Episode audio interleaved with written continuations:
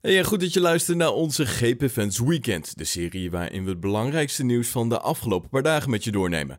Er is weer een heleboel gebeurd, laten we daarom maar direct beginnen.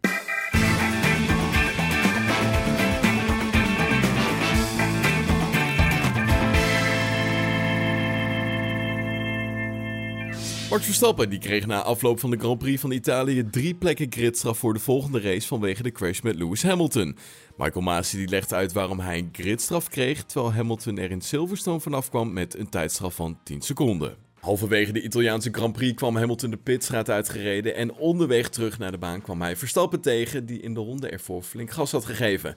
Nou, de twee coureurs die kregen met elkaar aan de stok en gingen wiel aan wiel door de tweede bocht, waarna natuurlijk helemaal misging. De Red Bull van Verstappen belandde regelrecht bovenop de Mercedes van Hamilton, waarna beide vroegtijdig uitvielen. Na afloop van de Grand Prix kreeg Verstappen een gridstraf opgelegd voor de Russische Grand Prix, omdat de wedstrijdleiding hem schuldig achtte aan de crash. Hierop kwam veel kritiek vanuit de fans, omdat zij van mening zijn dat een gridstraf een veel zwaardere straf is dan een tijdstraf. En daar is wedstrijdleider Michael Masi het echter niet mee eens. Ja, want volgens Michael Masi staat een gridstraf van drie plaatsen gelijk aan een tijdstraf. Daar zijn we het als VIA en de teams over het algemeen althans wel over eens. Zo wordt hij geciteerd door Formule1.nl. Aangezien Verstappen uit de race lag en het dus onmogelijk was om nog een tijdstraf te incasseren, kreeg hij een gridstraf van de wedstrijdleiding. Nou, hadden Hamilton en Verstappen door kunnen rijden na de crash, dan was er dus een tijdstraf uitgedeeld zoals dat in Silverstone het geval was.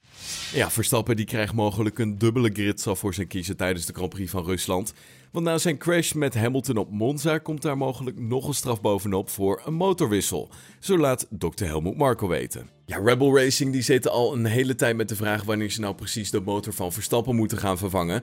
De Nederlander die krijgt dan namelijk zijn vierde power unit van het seizoen ingebouwd. En dat betekent natuurlijk een gridstraf. En nu Verstappen in Rusland toch al drie plekken achteruit moet, overweegt Red Bull dan ook maar gelijk een motorwissel door te voeren om op die manier dan een dubbele gridstraf te incasseren. Daar is nog geen besluit over genomen, maar ik denk dat je heel behoorlijk kan inhalen in Sochi. En goed nieuws voor alle Alfa Romeo fans, want Kimi Räikkönen die mag vanaf de Grand Prix van Rusland hoogstwaarschijnlijk weer in actie komen. De Fin die werd tijdens het raceweekend in Nederland positief getest, waardoor hij twee Grand Prix aan zich voorbij moest laten gaan. Dan sluiten we af met een bericht vanuit Aston Martin, want die gaat ook volgend seizoen verder met Lance Stroll en Sebastian Vettel. Deze beslissing komt niet echt als een hele grote verrassing.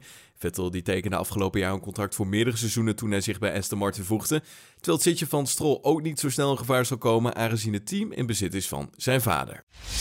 En goed, dat was hem dan de GP Fans Weekend van deze week. Heb je genoten van deze aflevering? Vergeet ons dan vooral niet te volgen op Spotify, iTunes of waar je deze podcast ook luistert. En dan zie ik je gewoon weer bij een gloednieuwe GP Fans nieuws. Tot dan. Hoi.